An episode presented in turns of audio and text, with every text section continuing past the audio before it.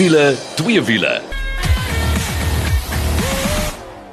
Nou kyk, as jy daai klanke hoor, is dit tyd vir wiele twee wiele en ek is so bly om agter die mikrofoon in te skuif en saam met my twee masketeers en dit is Kaal en Nicole. Hallo julle.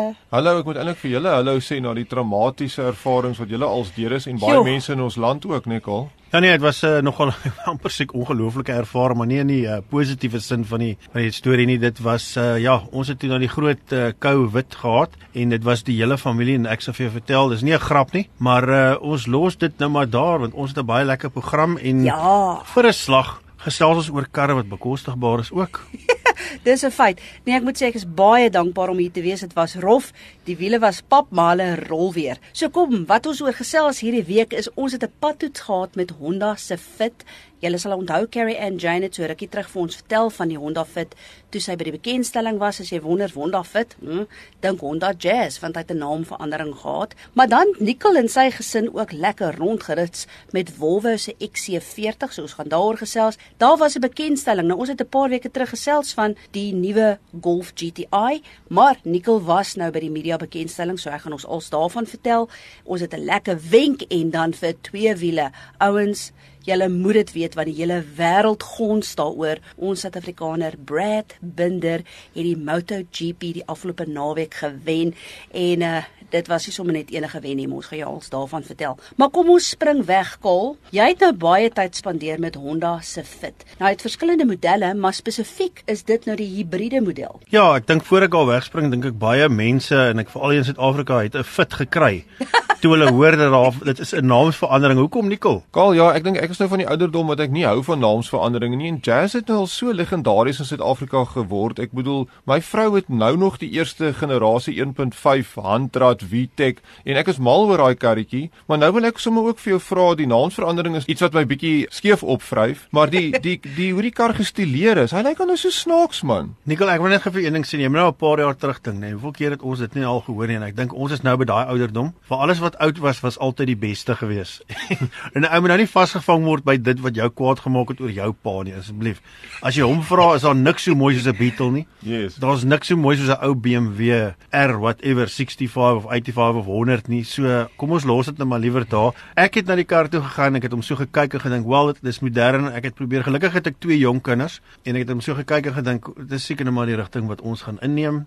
En uh die feit as die res van die wêreld besluit fit om 'n dinge fit te noem is fyn, dan moet Suid-Afrika nou maar net in daai voetspore loop. Snaaks genoeg is ek kon nie help om te dink aan die Tucson wat 'n iX35 geraak het en toe weer 'n Tucson geraak. So wie weet Nicole, miskien um, kom die jazz terug of dalk 'n rock and roll, wie weet. Maar ons los dit eers daar. Hierdie een het dieselfde 1.5 ehm um, dubbel oorhoofse nokas of double overhead cam in wat uh, baie lekker loop, maar wat vir my lekker was is die feit dat dit 'n hibriede stelsel ook het. En Nico, vertel ons 'n bietjie meer want baie mense as hulle hybrid hoor dan dink hulle dadelik battery en vol elektries, maar hoe hierdie stelsel werk. Ja, want hy het twee elektriese motors. Ja, een is natuurlik gewoonlik jou ISG of integrated starter generator. Dis maar net 'n groot starter motor wat ook 'n bietjie vir jou boost funksie kan gee. Dan het hy nog 'n ander elektriese motor wat die groter een is wat dan die kar kan aandryf. So die ingenieurs is nou baie slim. Hulle kan bepaal wanneer moet jy net elektries ry, wanneer moet jy brandstof en elektries ry, wanneer moet jy net brandstof ry. So hulle probeer daai kombinasie doen om vir jou die beste moontlike brandstofverbruik te gee, maar ook om die kar lekker sportief te laat voel want daai wringkrag van daai elektriese motors is mos onblikklik daar. Nou ek weet, hulle sê hierso in die geskrewe materiaal 3.3 liters per 100 km kaal. Wat het jy gekry? Ek moet vir jou sê ek het hom nie gereset nie. So ons het hom gekry met oor die 7 Sewe, op. dis reg. En ek het nie probeer lekker ry nie. So ek het nou nie my voet afgehaal van die petrol af as ek afdraand gaan en sulke goed nie. Agtertrokke anders. Nee, seker tipe goed nie. So ek het hom gekry uh, na so 5.1 toe. Ek dink as ek hom gereset het toe ons hom gekry het, sou ek definitief baie beter gedoen het. Maar dit was sonder moeite en dit is nog steeds fenomenaal want ek wil ons bly in die Wes-Kaap en dis maar baie op en af. Ek wil jy kry nie baie plat reguit paaie wat die ding in sy elektriese mode vir ver kan ry nie. Dis 'n een voordeel ook natuurlik van daai hibridiese want natuurlik as jy afdraande gaan of jy rem of so kan jy weer van daai krag, daai kinetiese energie weer terug in die battery. So dit so dis wat help. Kyk op die ou end gaan ons almal maar net elektriese karre ry, maar hierdie hibriede karre is 'n goeie tussenin voor ons by uh, elektriese karre uitkom. Hy kom natuurlik in drie modus ook wat jy kan gebruik. Jy kry jou EV mode, jou hybrid mode en dan jou engine mode. En dit is verskriklik interessant om te sien hoe die voertuig tussen daai verskillende modus wissel. En natuurlik wanneer dit by die veiligheids kom, 'n hele lys van veiligheidsaspekte, nuwe infotainmentstelsel wat jy ook nou saam met die Fit kry. En ek hoor wat julle twee sê, maar weet julle wat ek dink hierdie karretjie lyk like funky. Ek dink die hele geskiedenis en jazz soos wat ons groot geword het met jazz, dis goed dat daar 'n nuwe naam is. Maar pryse, kol, dis bekostigbaar. Ja, as jy nuwe Fit soek, gaan jy kyk na ehm um, jy weet die die 1.5 dubbelhoof se knock as of double wetcap. Ek moet dit sê, kan nie help nie. IV Tech uh, CVT 319900 en dan die ene waarmee ons gery het, daai hybrid is 469900 en dit kom natuurlik met uh, al Honda se waarborge en goed wat daarmee saamkom. Nou toe, dit is wat Honda se Fit betref, gaan loer bietjie op ons Facebook bladsy. Hoe lyk die Honda Fit en sê vir ons, stem jy saam met Kol en Nickel of uh, dink jy dit lyk funky? Nou eers oor na Volvo se XC40, maar meer spesifiek hulle T4 Getronic Encryption. Nou Nickel, ek weet jy en die gesin het lekker tyd met die voertuig spandeer. Ja, jy kan amper 2 en 'n half van die fitskoop vir hierdie prys. Meer ja, amper 3. Jy kan amper amper amper amper aan die 3 raak. Maar vertel vir ons. Ja, Janet, so nou praat ons van 'n boutique SUV. Nou boutique beteken dit lyk baie mooi, dis miskien nie baie groot nie, dit kos baie duur wat jy al klaar vir ons gesê het. En dis presies waar hierdie Volvo XC40 nou inval. Kyk, ons ken die hele Volvo XC reeks. Natuurlik die XC40 is die klein seentjie, dan die XC60 ken ons almal. Dis een wat soort van teen jou BMW X3 ADQ5 meeding en dan natuurlik het jou XC90 wat die heel grootste een is. So die XC40 is 'n kleintjie Maar dis 'n interessante grootte want hy's nie veel kleiner as 'n XC60 nie. Ek bedoel ek was vir die naweek saam met die familie weg. Ons was bietjie Hermanus toe en ons kon alles inkry vir die naweek. Dis nie asof jy 'n spasie probleem het nie, maar hy's lekker kompak. As jy nou by hierdie kusdorpies ry en is klein openingkies waar jy moet deurgaan of 'n klein parkeerplek, dan s'hy lekker daai grootte wat jy maklik kan ingaan. Uh natuurlik daai T4, daai petrol enjin van 2 liter. Ons praat so van 140 kW en uh 300 Newtonmeter. So ja nee, lekker lewendig. Brandstofverbruik moet ek sê ek het baie rustig die naweek gery, maar ek kon nie eintlik beter doen as so 9.4, 9.5 liters per 100 nie. So ek sou verwag het hy kan miskien 'n bietjie beter op op brandstof doen, maar waarom jy hom koop is uit en uit hoe hy lyk. Like, daai binneruim van Volvo as jy inklim met natuurlik ons almal ken al daai amper soos 'n iPad wat daar in die middel is daai gevoel van die leer. Ek dink die Sweedse leer is net iets spesiaals dit is so sag om aan te vat. Daai stelering is fantasties. So jy jy voel spesiaal as jy in die kar ry maar dit kom teen 'n prys ja ek stem 100% saam oor daai sitplekke ek sê dit elke keer wanneer ons 'n Volvo het en ek dink uh, as 'n mens gaan kyk na die sitplek self kom jy baie vinnig agter Hulle weet hoe om maksimum beenspasie te gee vir die passasiers agter en voor. En uh, dit gaan oor die hoeveelheid panele wat hulle gebruik, die leerpanele om die sitplek regtig te stileer. So dis nie die oorgetrekte stywe harde goed nie. Hulle maak regtig moeite en uh, dis maar hoekom 'n Volvo uitstaan. Nee, verseker natuurlik 'n ander ding van Volvo ook is hulle veiligheidsaspekte. Hulle staan uit soos 'n pol boor water. Nicole, ek bedoel city safety, jou uh, driver alert control, alles wat jy nodig het. Ek weet die een waarmee ons nou gery het, het spesifiek ook 'n addisionele pakket gehad wat hulle noem 'n uh, driver assist waar jy adaptive cruise control ook kry. Dis darem iets wat fantasties is. Ja, nee, alles is daar wat jy wil hê veiligheidsgewys. Ek dink dis hoekom dit so gewild is onder families. Maar ek wil net gou terugkom na die prys. So hierdie netjie wat ons gery het, kyk 'n mens so na net so oor die 700 000 rand en dan met daai opsies en goederes wat ons jy nou genoem het, trek jy al hier by die 800 000 rand en dis daarom baie geld te net vir so 'n tipe voertuig. Dit is al wat my bietjie pla. Ehm um, dit voel vir my toe die XC40 bekend gestel is, was die prys baie meer soort van in die kol gewees dat 'n mens kon gedink het, okay, dis lekker intree vlak vir Volvo, dis miskien 'n manier om in die brand in te kom, maar nou voel dit vir my het net bietjie duur geraak. Ek dink oor die algemeen Nikkel as jy kyk, ek waar in jou lewe het jy gedink 'n intree vlak uh, vir 'n fit is oor die 300 000. So dis maar deur die bank is iets wat ek al lankal dophou en fyn dophou en ons kan eendag vir tyd bietjie daaroor gesels. Ek hoor die aanbiedings van uh, verskillende vervaardigers is ook besig om te verander as gevolg van hierdie hoë pryse. Ehm um, dat die kar dit werd is is is geen twyfel nie, maar ja, dit is 'n klomp geld. Nee, verseker, maar gaan loer bietjie op ons Facebook bladsy. Dit is wiele twee wiele, dan kyk jy hoe lyk Volvo se XC40 T4 en hoe Nicole en sy gesin rondgerits het met hierdie wa. Maar nou eers oor. Na. Wroepa. Is dit nie een van die grootste bekendstellings in die laaste tyd nie, Janet? Almal het uitgesien hierna en ons weet daai groot C woord het baie bekendstellings gekelder. Gelukkig nie hierdie een nie en ek hoef net 3 letters te sê, GTI. Ja, ek sê vir jou, nou ons het 'n paar weke terug toe hulle virtueel die GTI bekend gestel het, het ons ook vir jou genoem hiervan, maar nou was Nicole by die media bekendstelling uit self die kar ervaar.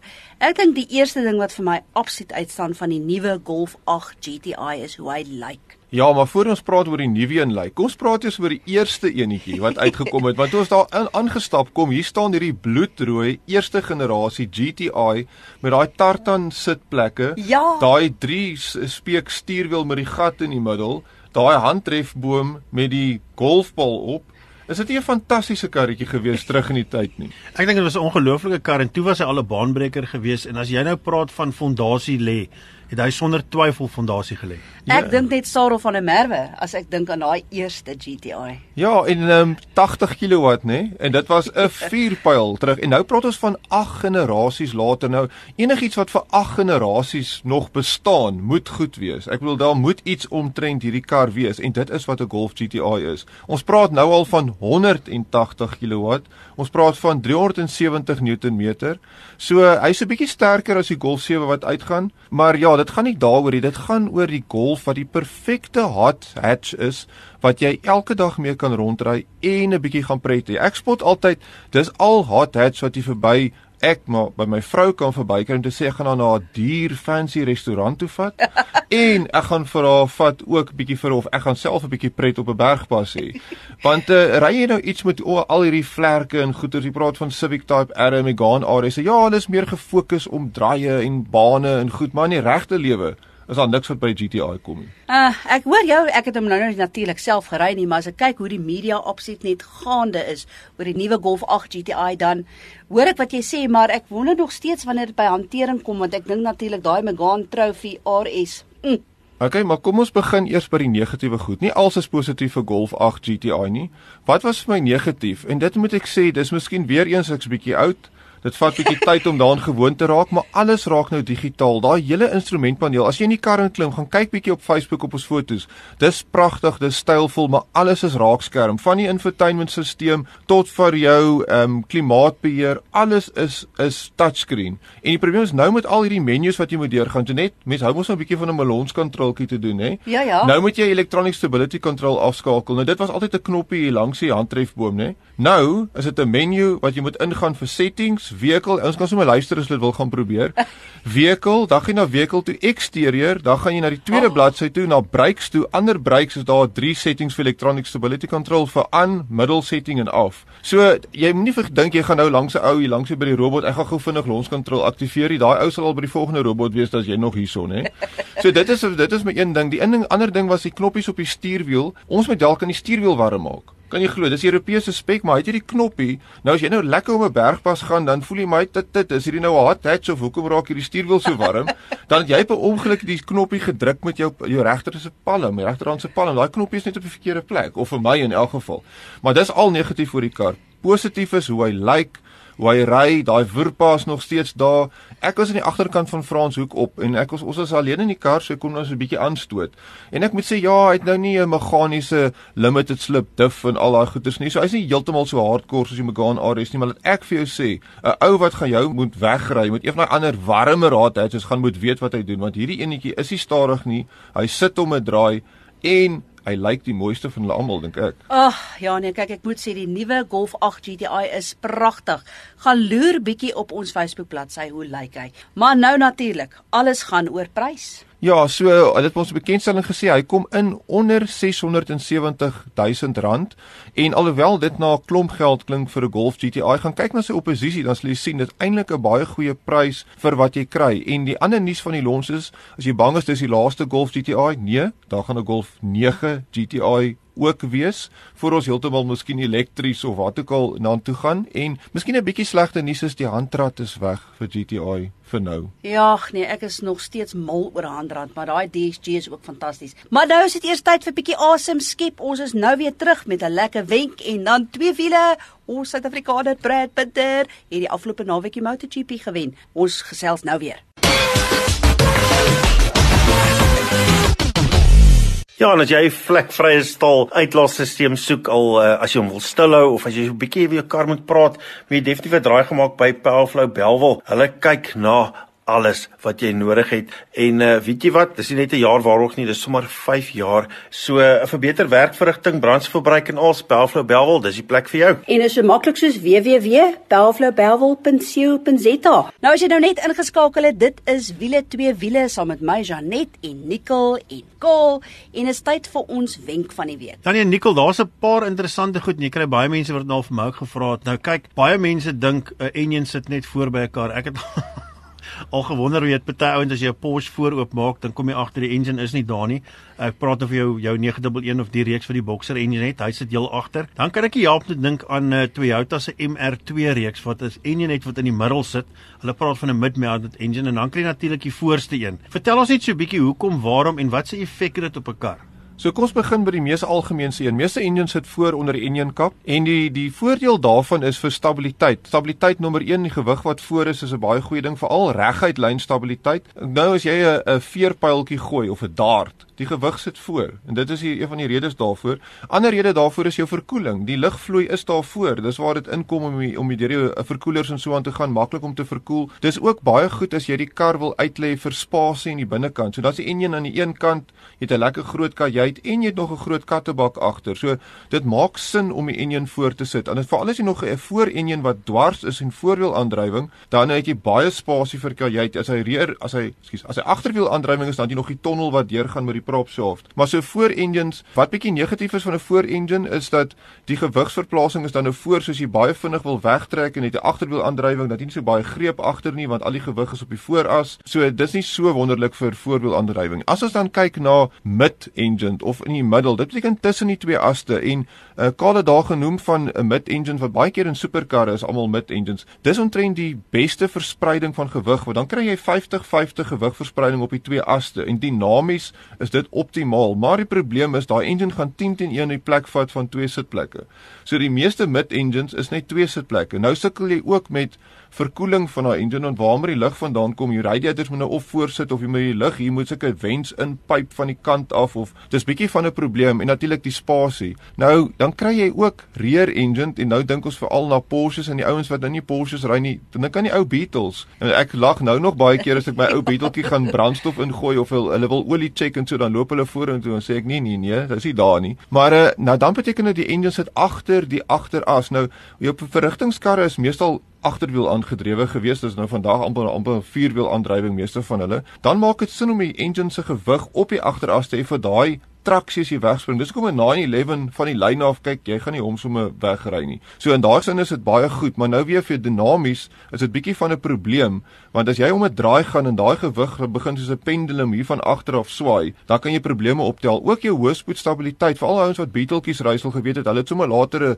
sementsakkie in sy neus gesit want kyk as daai wind waai, dan sukkel jy om daai neus op die pad hou en daai tipe ding. So elke tipe setup het sy eie voor en nadele. Net nog een interessante iets, ehm um, Mid-engine beteken tussen die twee aste. Jy kry party engines wat voorsit, maar so ver teruggeskuif is dat dit ook basies 'n mid-engine kar is en dan kyk jy nou byvoorbeeld na jou Mercedes SLS, daai tipe van goed. Maak bietjie sy bonnet oop en kyk hoe ver is daai engine teruggeskuif. Ja, Nicole, so ou en my jou jou keuses regmaak het hang af hoe jy ry, maar ek dink deesdae is die tegnologie so goed en jy praat van vierwiel aandrywing wat uh, baie van die voordele van hierdie karre of die rede hoekom die engine gesit het waar hy gesit het uh, uitkanselleer. So ja, altyd baie interessant en uh, lekker om daaroor te gesels en Jenet, nou weet jy ook. Ja, absoluut. Baie dankie.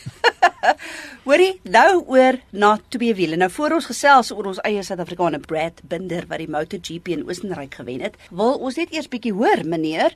Ek sien pragtige foto's spronk oor daai Suzuki J6R 1100 van jou en ja, so van foto's gepraat, gaan loer bietjie op ons Facebook bladsy. Hoe lyk Nicole se projek want hy's pragtig. So net jy moet nou 'n bietjie meer spesifiek wees, hoor. Dis 'n J6R 1100. Ja. WP. R. WR. R, dis hoekom dit daai daai oranje R op het. Nee, en die passasier sitplekkie agter is blou. Ja. Yes. Sê jy so, is dit 'n R? Dis 'n R. W Maar W R. R. W dis watercooled. Dis 'n 'n 1996 model. En uh, ja, ons het hom so rukkie terug het ons al oor hom gepraat, maar toe eintlik sy fairings was af. Hy was bietjie haglike toestand en so aan, maar ek het nie uh, baie geslaap die laaste tyd die kaal. En ehm um, my vriend daar by Accident Guru Paul het vir my die fairings mooi oorgespuit. Dan's dit altyd die ding om die regte stickers te kry, nê om iets te kry wat basies by moet lyk soos die oorspronklike stiker. Anders kan jy net sowel maar los. Hierdie ouens wat bikes oorspuit en dan plak hulle enige ding op, dan lyk dit nie baie goed nie. Maar hy het uitgekom fantasties. Daai wiele is daai mooi donkerblou gespuit. Daai fairings is reg. Daai sitplekkie is oorgetrek en kaal om daai fiets te gaan ry en te voel hoe trek hy 1100 van daai jare. Kyk, ek het uh, ek het 'n paar keer gedink ek moet miskien bietjie kyk om die remme te opgradeer want uh, jy kom bietjie vinnig by 'n robot of by 'n stopstraat aan. Die ouens het dit baie gedoen en ek onthou daai GSX R1100 baie goed. Hy was nie altyd die beste hanteer en baie, jy weet, as as dit kom by hantering en so nie, maar dit was 'n missiel, point and skoot. As jy uit daai draai kom en jy draai daai neus en die pad is lank en reguit, dan is daar min wat by hom kom bly.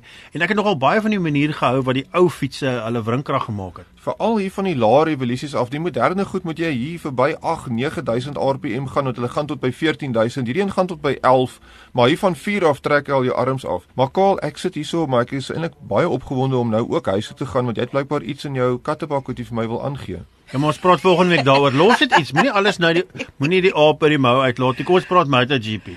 Ag, oh, julle Moto GP. Nou kyk, ek weet nie of jy dit volg nie. En as jy dit nie doen nie, mis jy ontsettend baie. En die afgelope naweek was die tweede ronde van die Moto GP in Oostenryk. En dis natuurlik waar KTM se hoofkantoor is. Nou wat ek vir jou kan sê, ons Suid-Afrikaner Brad Binder het 10de weggespring op die wegspring rooster. En so het hy stelselmatig opgemaak, opgemaak. Op 'n stadium het hy agste gelê. Toe begin die druppels val en hy maak toe nou nog 'n plek op. Hy's toe 6ste. Julle en die laaste 4 rondes was ek wil amper vir jou sê chaos. Want die voorste manne besluit toe almal om in te gaan en ons eie Suid-Afrikaner Brad Binder besluit nee wat. O, hy het mos Suid-Afrikaanse bloed in hom en dit gaan alles oor gutsie wees. Nou maar in te gaan vir reënbande. Reënbande. Hy het toe Hmm, besluit hy sê nee. Nee, hy bly op sy gladde bande. Behalwe dit, is dit 'n nat baan. Hy het glad nie remme gehad nie en jy gaan dit nie glo nie, hy het gewen. Ja, ek sou nogal graag met sy wiskunde juffrou wil praat want hy sê hy het somme gemaak. nou as ek kyk hoe vinnig hierdie ouens ry en hoe goed hy het sê hy het die somme gemaak, die calculation en gedink, "Wel, daar's 'n goeie kans dat hy dit kan maak." Want as jy in die kuipe ingaan, dan ry jy outomaties stadiger, dit beteken jy ou kan vinnig ry. Dit was ongelooflik. Nou hierdie ouens ry met remme wat moet warm wees die hele tyd. Dis nie soos 'n jou gewone padkar dat as die rem warm word dan wil hy nie meer rem nie. Daai remme moet warm wees. En hier met twee rondes om te gaan, was dit nie net glad onder voet nie of onder band nie, maar hy het ook nie meer remme oorgehad nie.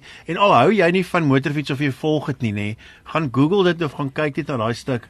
Hy het letterlik met daai fiets gedans om daai baan dit gelyk soos daai ehm um, Swan Prinses. Wat is daai ding? Want dit gelyk Swan Lake. Swan Lake ja, dit dit gelyk of 'n ijskaats. Maar hy het Ja. dit gemaak, hy het gewen en die wêreld gons daaroor. Absoluut. Maar hoorie, so van gons, ek het reeds ons twee wiele man Clinton Pinaar nader getrek om te hoor wat sê hy van hierdie bioniese MotoGP ren waar Brad gewen het. Man ja, ek dink nie daar's groter nuus in die wêreld as wat Brad Binder sy tweede MotoGP wedren gewen het. Ek dink die laaste keer wat ek so opgewonde was, ek kon eintlik nie daarna kyk nie, want 4 laps voor die einde, toe begin dit reën en 3 laps om te gaan, het al die ouens ingetrek en hy het dadelik net aangegaan. Jy weet die een ding wat baie mense nie van weet nie, selfs met Formule 1 karre, al ry hulle met sliek bande, Sodra die goed 'n sekere temperatuur of onder 'n sekere temperatuur kom, begin hulle net nie werk nie. En dis selfs op 'n droë pad. Nou kan jy dink as jy dit nou begin nat maak. So hy sê dit het gevoel asof dit op ys was. So met die laaste lap het hy net probeer opbly. Hy het wyd gehardloop. Selfs op die laaste draai het hy oor daai groen streep gegaan. Ek sien hulle het hom met 3 sekondes gepenaliseer, maar dit maak nog steeds dat hy gewen het. So ek wil net sê as as 'n Suid-Afrikaner en om 'n Suid-Afrikaner daar te hê, dit was net absoluut absoluut fantasties. En uh ek dink hierdie motorfiets ding oor dat ek nou 'n motorfiets entoesias is, bou vir my ongelooflike goeie kudos vir ons in die toekoms. Nou, wil julle ook dan sekerlik weet wat sê Brad Binder? En Kol, hy verduidelik dit so mooi toe hulle vra met die onderhoud, dit is natuurlik MotoGP self wat die onderhoude voer. Toe vra hulle vir hom wat het hom nou nou besluit om nie in te gaan toe al die ander ingaan nie en hoor bietjie wat sê hy. I knew that when there was there was three laps to go, so if I didn't come in when they did, I wasn't going to come in at all. And uh, yeah, I made it to the end somehow. Uh, the biggest problem was no brakes because the, uh, the carbon brakes went cold, and as soon as the rear tire cooled off, obviously it didn't. I couldn't open the throttle either. So uh, somehow I made it around the track, and uh, a couple times I thought it was over, but I kept it up straight. So uh, so happy this gamble paid off. The hardest thing for me was the last lap because I knew I had nine seconds to second place. But nine seconds is not enough when you're on slicks and they're on wets. So I don't know whether the guy behind me had wets or slicks. So uh, I decided, you know what, I have to just try and go as quick as I can. And actually, if I had not tried at all, I think I would have gone faster because I went off in turn one. Um, then stayed on track after that, but uh, barely, just barely, because uh, I couldn't stop when I had to, and I couldn't open the throttle either. But um, anyway, it worked, so I don't really care. yeah, one of my dad's favorite sayings is "Life favors the brave." So uh, for sure today it did. Nou kyk, dis een ding wat ons in Suid-Afrika weet en dit is definitief die waarheid en uh, trots, trots, trots. Maar ek dink dis dit vir ons program. Lekker lewendige program gewees. Ons kan nie wag om weer saam met jou te kuier nie en tot volgende week toe. Hou jou wiele aan die rol.